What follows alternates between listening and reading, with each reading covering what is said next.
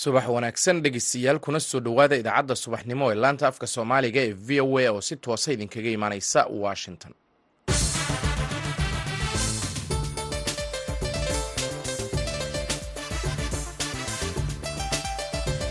waa aroor jimco ah bisha februaayana waa toban sannadka labada kun iyo saddex iyo labaatanka.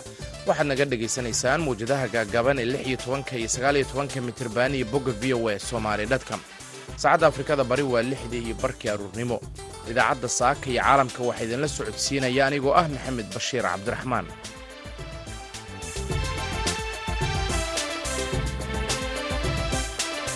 qodobada dhegaystayaal aad idaacaddeenna subaxnimo ku maqli doontaan waxaa ka mid ah kadib markii inta badan gobollada dhexe ee soomaaliya lagala wareegay al-shabaab dhaqdhaqaqa milatari oo lagu xoraynayo koonfurta soomaaliya ayaa haatan ka socda afmadow howlgalkaas waxaan doonaynaa inaan iskaga sifayno nimankaas khawaariijta ah oo dadkeennii dhibaatada ku hayo. Ama miyi ha noqoto ama magaalo ha noqoto qofka ilaahay baa khalqay hal mar buu dhimanayaa. Ilaahay baaba nagu xukumay geedhida waaba xukumannahayba haddaan marka mar xukumannahay inaan si xun ku noolaanno waxaa ka wanaagsan inaan si wanaagsan ku noolaanno. Waxaad kaloo dhegaystayaal maqli doontaan eritreya oo sheegtay inay dib u soo ceshanayso xubinnimadii ururka igaad oo muddaba ay dibadjoog ka ahayd waxaa kaloon idiin haynaa warbixin ku saabsan carruurta soomaalida ah ee gobolka ohaayo ee dalka maraykanka oo takoor iyo weliba geesgelin kala kulma dhigooda dalkan u dhashay ee iskuullada ay wada dhigtaan. Qodobadaasi iyo barnaamijkii umuuraha islaamka ayaad dhegaystayaal maqli doontaan balse marka hore waxaad ku soo dhowaataan warkii caalamka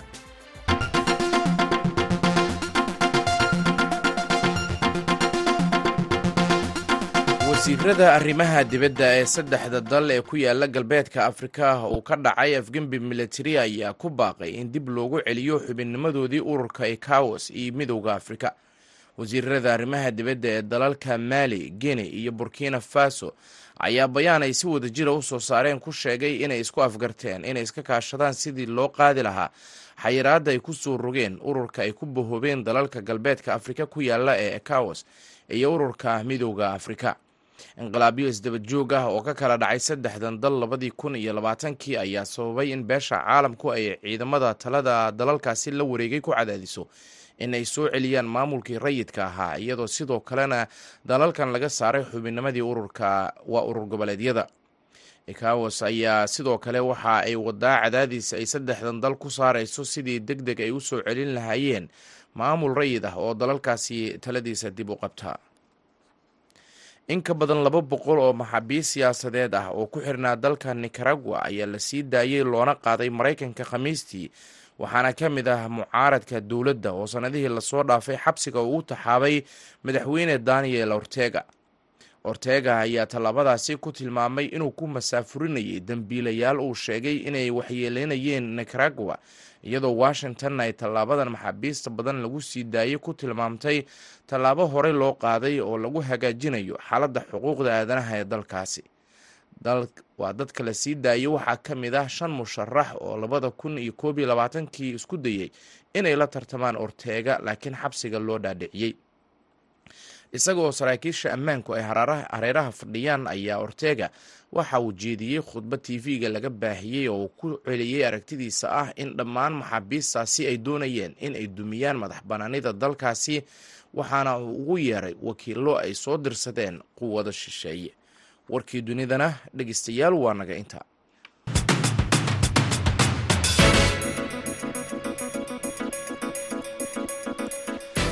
halka dhegeystayaal wararkaasi aad kala socotaan waa laanta afka soomaaliga ee v o a oo si toosa idinkaga imaaneysa washington. Subax wanaagsan mar kale jimco wanaagsan aynu ku bilownay. Saraakiisha ciidamada jubbaland ayaa degmada afmadow ka bilaabay qorshaha labaad ee howlgallada maamulka uu ka wado gobolka jubbada hoose waxaana ay sheegeen in degmada afmadow ay noqonayso xarunta abaabulka howlgallada ka dhanka ah al-shabaab ee jubbooyinka faahfaahinta warkan waxaa magaalada kismaayo ka soo diray waryahayaga aadan maxamed salaad. Dhaqdhaqaaqyadan ciidan ee ka bilowday degmada afmadow ee gobolka jubbada hoose ayaa ku wajahan degmada xagar ee gobolka jubbada hoose iyo sidoo kale deegaanada kale ee gobolka jubbada dhexe. Iyadoona ciidamadii ugu badnaa oo laga soo qaaday degmada dhobley la gaarsiiyey degmadaasi si ay qayb uga noqdaan howlgallada ka dhanka ah al-shabaab ee ka bilowday deegaanada jubbaland maxamed cabdulaahi cismaan maxamed amiin gudoomiyaha golaha deegaanka ee degmada afmadow ahna duqa degmadaasi ayaa sheegay in afmadow ay noqonayso halka laga hagi doono howlgallada ka dhanka ahi al-shabaab. Afmadow ay noqoto waa magaalada hadda la jooga caasimadda weyaan oo dowladdu ay degan tahay. Laakiin meesha hadda santarka ah oo gobolladoo dhan u dhexayso waa afmadow. Kuna hagaagsan sareeye guuto ismaaciil saxardiid kaydsane oo ah taliyaha ciidanka daraawiishta ee jubbaland ayaa dhankiisa sheegay in maanta la joogo xilligii jubbaland ay la wareegi lahayd deegaanada ka maqan sida uu sheegay. Cimrigayga inta ku dhiman intaan la dagaalamayo inaan ku dhintaan go'aansa tuutahanna maalinkan gashada waa taqaanaan. Ilaa bo'aali iyo jilib aan istaagana inaan siibo ma rabo. Maalinkaan bo'aali iyo jilib jiigona wax kala noqonaya laakiin. Waxaa weeye waxaan rabnaa inaan cimriganaga inta ka dhiman aan gaarsiino dadka inay dawlad helaan deegaankooda ayagaa dhis. Horaa u dhimateen haddana inta dhiman inaad dhammaystirtaan oo aad u istaagtaan oo ad u diyaargarowdaan inaan iska qaadno ma aragtaaye degmadeenna jilib aan furanno jenaraal yuusuf xuseen cismaan dhuumaal wasiirka wasaaradda amniga jubbaland oo hogaaminaya qorshaha howlgalka ka socda degmadaasi afmadow ayaa dhankiisa sheegay in howlgalladaasi ay yihiin kuwo la doonayo in ay jubbaland kula wareegto deegaanada ka maqan ee ay gacanta ku hayaan al-shabaab. Howlgalkaas waxaan doonaynaa inaan iskaga sifayno nimankaas khawaariijta ah oo dadkeennii dhibaatada ku hayo. Ama miyi ha noqoto ama magaalo ha noqoto. Qofka ilaahay baa khalqay hal mar buu dhimanayaa. Ilaahay baaba nagu xukumay geedhida waaba xukumannahayba haddaan marka mar xukumannahay inaan si xun ku noolaanno waxaa ka wanaagsan inaan si wanaagsan ku noolaanno. Dhowaanahan jubbaland waxay waday qorshayaal kala duwan iyo dhaqdhaqaaq ciidan oo markaa ku wajahan deegaanada ka maqan gacanta maamulka ee ay xilligan ka taliyaan al-shabaab iyadoona ciidamadii ugu badnaa ay la wareegeen deegaano ka tirsan duleedka magaalada kismaayo gaar ahaana deegaanka janaac cabdalle oo lixdan kilomitir qiyaastii galbeedka magaalada kismaayo kaga beegan. Iyadoona jubbaland ay sheegtay in ay ciidamadii ugu badnaa isugu geenayaan degmada afmadow si ay ula wareegaan degmooyinka kale ee gobolka. Aadan maxamed salaad v o a magaalada kismaayo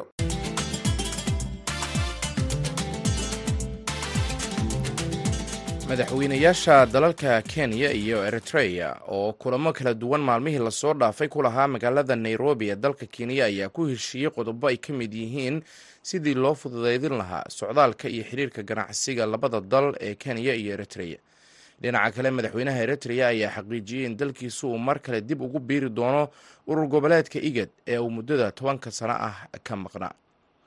Warbixintan waxaa nairobi ka soo diray khadar maxamuud xareed madaxweyneyaasha waddamada kenya iyo eritereya william ruto iyo asiyaas afawarki oo maalmihii la soo dhaafay kulamo kala duwan ku lahaa magaalada nairobi ayaa ku heshiiyey qodobo ay ka mid yihiin xoojinta xiriirka labada dal gaar ahaana dhanka socdaalka muwaadiniinta labada wadan waxayna labada madaxweyne ay ku heshiiyeen in muwaadiniinta iyo ganacsiga labada wadan ay bilaa dalkugal ay isaga kala gooshi karaan hase yeeshee arrinta ugu muhiimsan ee madaxweyne asayaas afawarki uu u joogo dalka kenya ayaa ah dadaal xoogan oo uu ugu jiro sidii ay eritereya mar kale ay u hanan lahayd xubinnimadeedii urur goboleedka igad taasoo ay hakisay sannadkii labadii kun iyo toddobadii iyadoo xilligaasi uga jawaabaysay markii ay ciidamada ethoobiya ay gudaha u galeen soomaaliya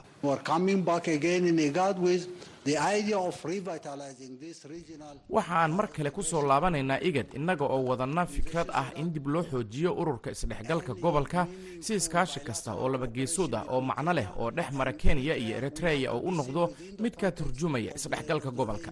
Ma gaari karno yoolo labageesood ah innaga oo aan haysan gobol si ballaaran isku dhex galay kaasi oo aan tobaneeyo sana ka hor ku riyoonnay inaan abuurno. Tani ma ahan hal abuur cusub. Ma ahan dib u abuuris. Mana ahan dib u unkid tani waa waajib william ruto madaxweynaha dalka kenya oo dhigiisa dalka eritereya kala hadlay arrimaha horumarka iyo wada shaqaynta labada wadan ayaa sidoo kale xusay inuu dhigiisa eritereya afawarkii uu kala shaqayn doono.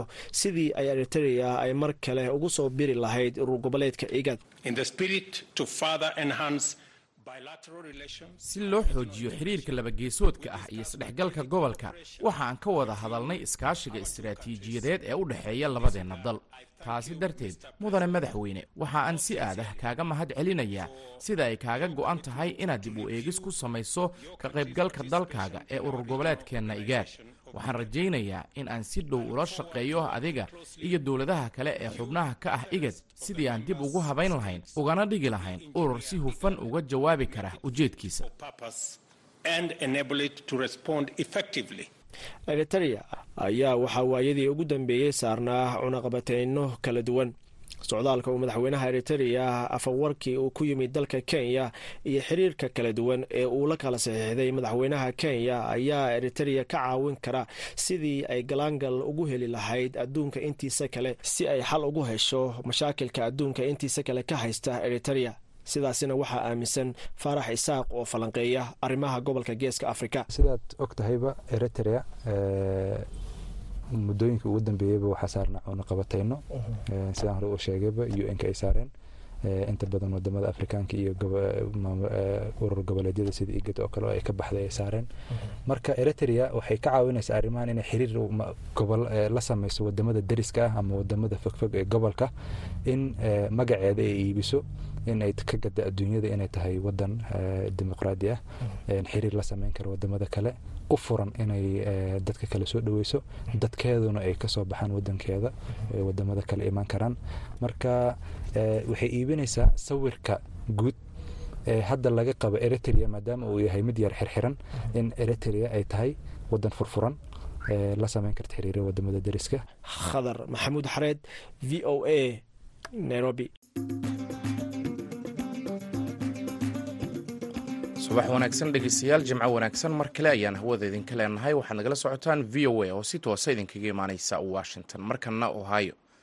Goobaha waxbarashada ee wadankani maraykanka waxaa inta badan ka dhaca geesgelin ama faquuq alaaba lagula kaco carruurta soo galootiga ah ama gabdhaha xijaabka xiran.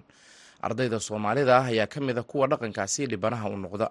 Haddaba warbixin arrintaasi ku saabsan waxaa magaalada colombos ee gobolka ohio ka soo diray wariyaha v o a cabdikaafi yuusuf aadan cilmi baaris ay sameeyeen hay'ado dhowra oo ku saabsan cabsigelinta ama handadaada oo afka qalaad loo yaqaano buuli ayaa lagu ogaaday in boqolkiiba siddeetan iyo saddex ay ka dhacday iskuullada ama goobaha waxbarashada.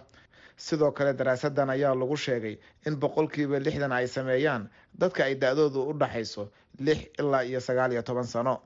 Dhinaca kale daraasadan ayaa tilmaamaysa in dadka waaweynna ay la kulmaan cabsigelinta ama handadaadani haddaba waa maxay buuli waa kanaa sheekh horseed nuux oo ah afhayeenka masaajidada ku midoobay hay'adda seco oo noo sharaxaya. Bullinku waxa weeyaan ku talagal qof uu rabo inuu qofka kale dhib u geysto maskax ahaan ama physical jirkiisa u geysto. Wuxuu kaluu noqon karaa bullinka an imbalance of power awooddii iskuma dheelitirno. Waxaa laga yaabaa qofkan waxaa lagu bulli garaynaya waa diintiisa waa khamaarka xijaabka ay gashan yihiin. Waxa weeye waa immigrant oo waxaa laga yaabaa hooyo weli aan systemkii maraykanka iskuullada fahminaa dhashay. Isma difaaci karo marka. Waddankani maraykanka inta badan ciyaalku waxa ay la kulmaan cagajuglayn joogto ah. Sheekh horseed nuux ayaa iiga waramaya waxa ay ku keeni karto mustaqbalkooda. Waxay ku keeni kartaa burbur maskaxeed. Daraasaadka runtii aan akhrinay waxay sheegayaan in bullinka ilmaha lagu sameeyo hurdadu ay ka tegi karto. In depression uu ku dhici karo. In long termka xitaa suicide uu keeno. Hadda florida waxaa jira ilma afghani ah from afghanistan oo lix iyo toban sano jira.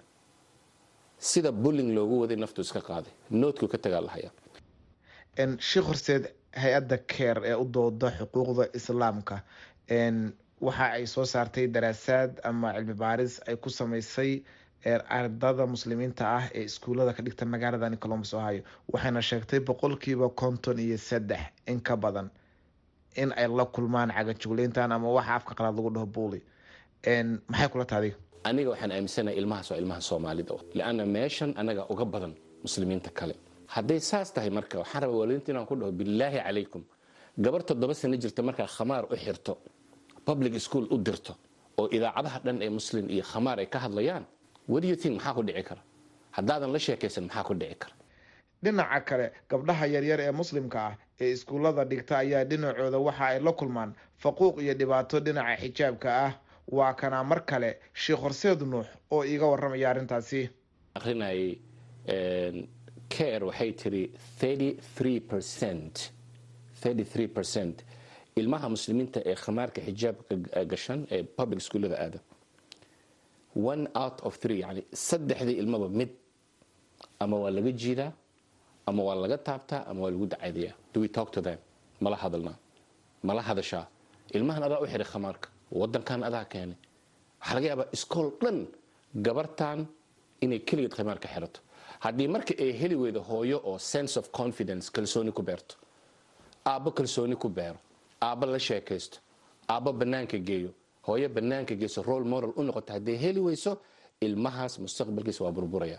Cabdikaafi yuusuf aadan v o a columbus ohio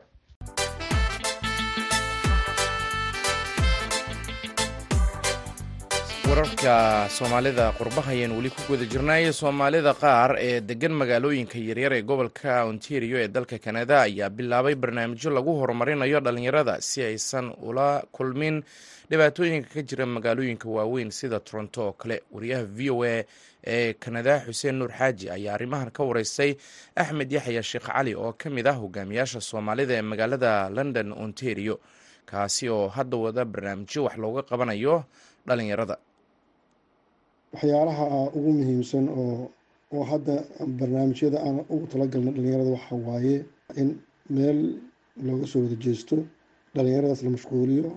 Khaasatan saan ku mashquuli lahayna aan ku mashquulino wax ayagu ay jecel yihiin. Annagoo marka isticmaalayna siyaasad ah boqolkiiba konton waxay jecel yihiin in loo sameeyo.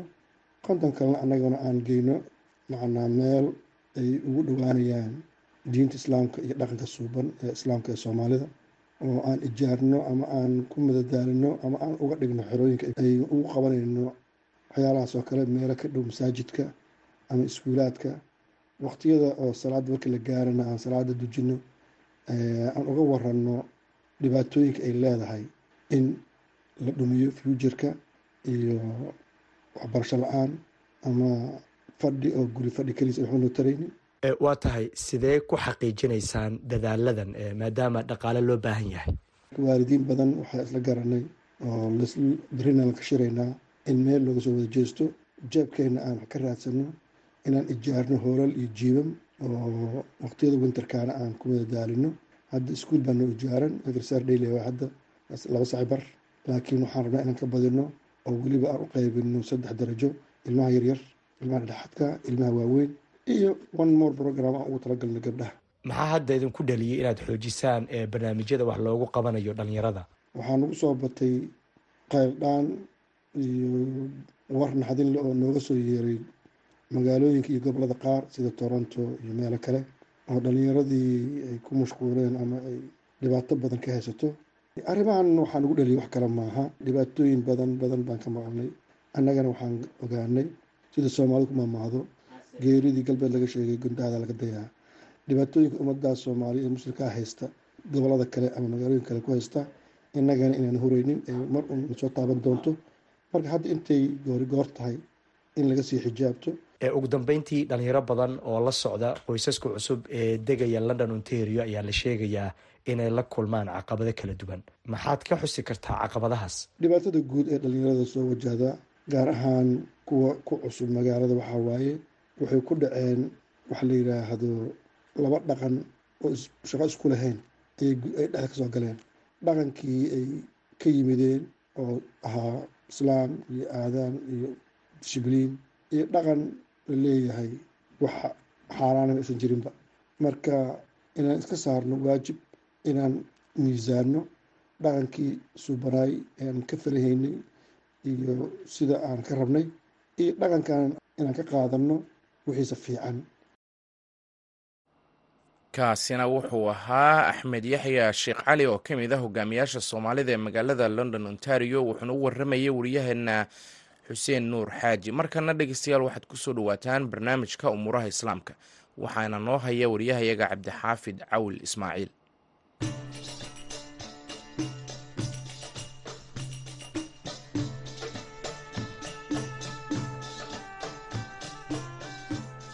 barnaamijkeenna amuuraha islaamka waxa aynu ku eegaynaa isu soo dhowaanshaha ruushka iyo dunida muslimka. Muddooyinkii u dambeeyey gaar ahaana wixii ka dambeeyey dagaalka ruushka iyo yukrain moscow waxa ay dadaal ugu jirtay inay xoojiso xidhiirka ay la leedahay caalamka marka laga reebo waddamada reer galbeedka oo colaad toos ah iyo mid dad badani ay ka dhaxayso.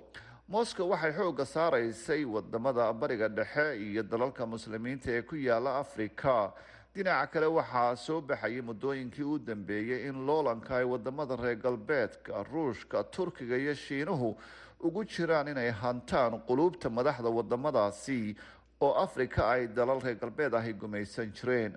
Dagaalka ukraine waxaa kale oo khariidada si wanaagsan ugu muujiyey dalal ku yaalla afrika gaar ahaana dhinaca waqooyiga sababo la xidhiidha gaasta awgeed. Wasiirka arrimaha dibadda ruushka arbacadii ayuu gaadhay khartuum waa maxay haddaba arinka dhabta ah ee ka dambeeya dadaalka uu ruushku ugu jiro inuu xoojiyo xidhiidhka uu la leeyahay dalalka muslimiinta ah haddii ay noqoto afrika iyo bariga dhexeba su'aashaasi ayaan weydiiyey maxamed xasan dable oo ah falanqeeyo degan magaalada leest ee dalkan britain cabdi xaafid arinta dhabta ee ka dambeyso runtii waxaa weeye xiriirkii galbeedka iyo ruushka oo ka dhexeeyey ayaa burburay kadib markii uu ruushka labadi kun iyo afar tobanka qabsaday krimiya iyo arintii uu ku taageeray bashaar al asad dagaalkii uu kula jiray kacdoonkii ka dhacay syria. Arrinka ayaa waxaa keentay in uu xiriirkii isagoo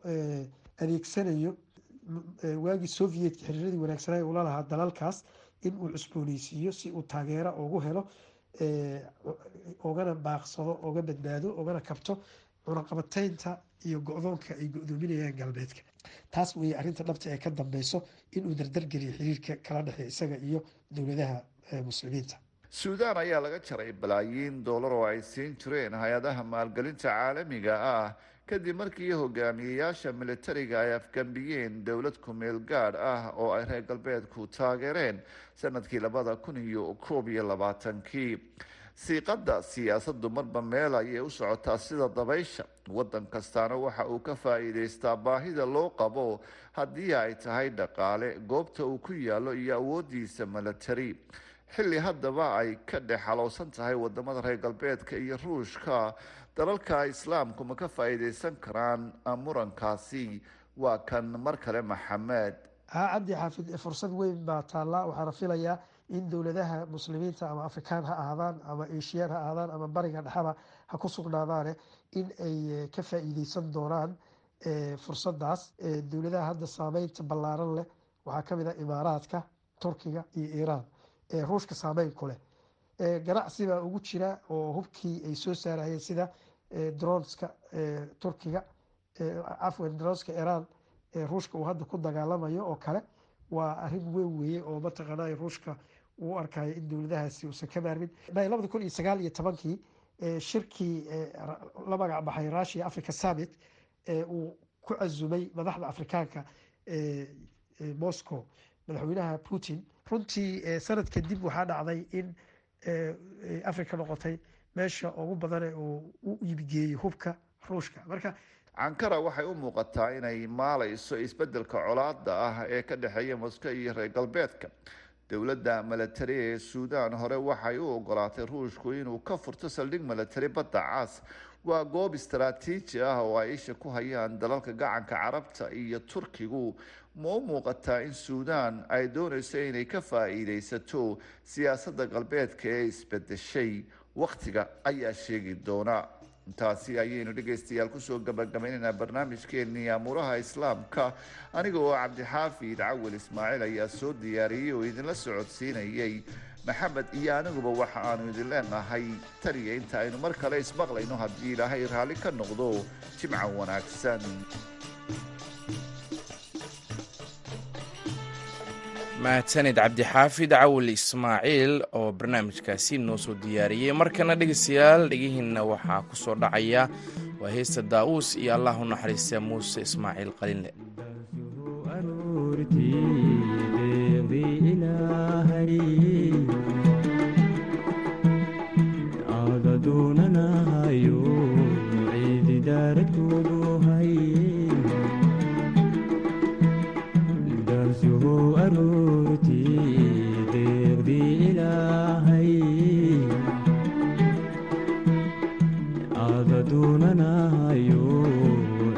daarku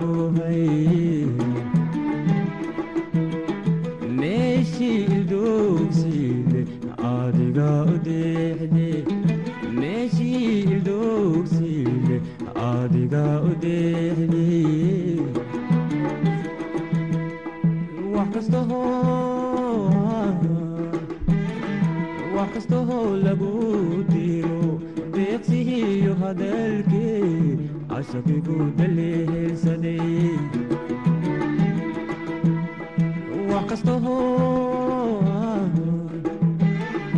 wax kastahoo lagu diro deegsihiyo hadalkee cashaqiguu dhaliihilsaday warqadaan ku daabacay doodeeda eegaqa jago waxaa tidhaahdaa inankii dayo hooyo ma xasuusta duuniyde warqadan ku daabacay doodeeda iga qaad waxaa tidhaahdaa inankii dayo hooyo ma xasuusta duuniyde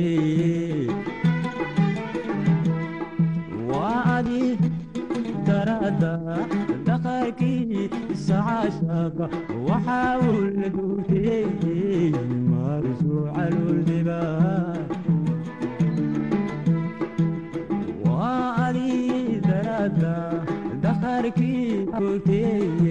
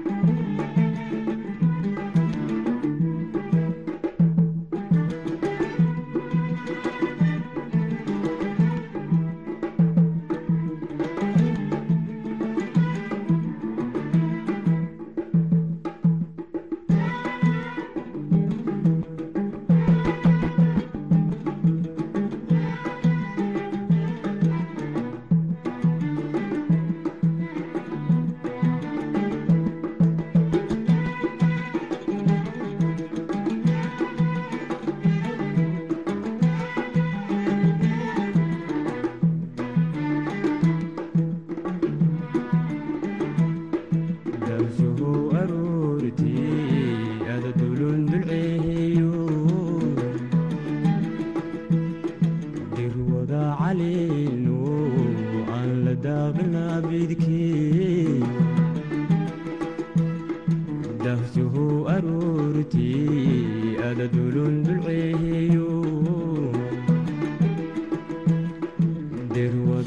codkaasi allaha u naxariistee muuse ismaaciil qalinle wuxuu gebagabo u yahay idaacaddii aroornimo oo si toosa ah idinkaga imaanaysay laanta afka soomaaliga ee v o a. Tan iyo kulanti dambena dhegaystayaal waxaan idin leenahay nabadgelyo. يقدر بعده اليوم قيدها قيدها دشودي كيلي دادكي عشق بود ليه صديق قيدها leedahaad shuruudii keelidaad keeye cashaqigu ballihiilsaday warqadan ku daabaxay dowdeeda iga qaad deeq waxaad tidhaahdaa iilankeedayo hooyo maa xasuusta duuniydii waan ku daabacay doodeeda iga qaad deeq waxaad tidhaahdaa inankeydayo hooyo maa xasuusta duuniyde waa adi daraada daqaarkii sacaashaaqa waxaa uu la doogtay maruso caluuldhiba